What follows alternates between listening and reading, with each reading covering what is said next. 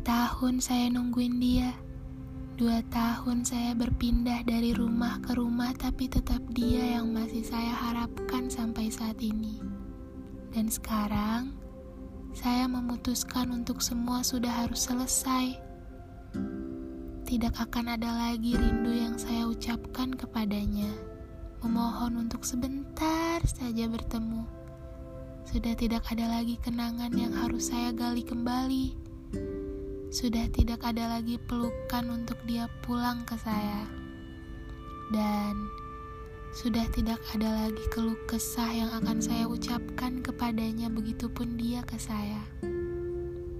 Berharap semua akan lagi sama tapi ternyata semesta menolak. Semua benar-benar harus sudah selesai. Ia sudah menemukan seseorang yang dia butuhkan sekarang dan saya bukan orang itu tentunya.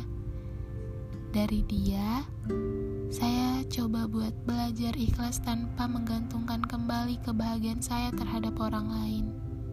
Dari dia saya belajar banyak hal tentang arti mengikhlaskan. Terima kasih ya. Terima kasih untuk pernah diizinkan memelukmu saat aku kedinginan di jalan pada malam itu. Terima kasih untuk tempat yang kau sediakan untukku.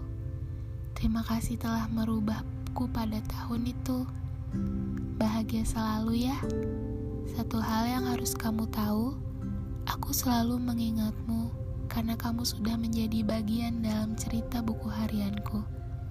Tapi untuk sekarang, buku itu harus sudah kututup rapat kenangannya agar tidak lagi kubaca.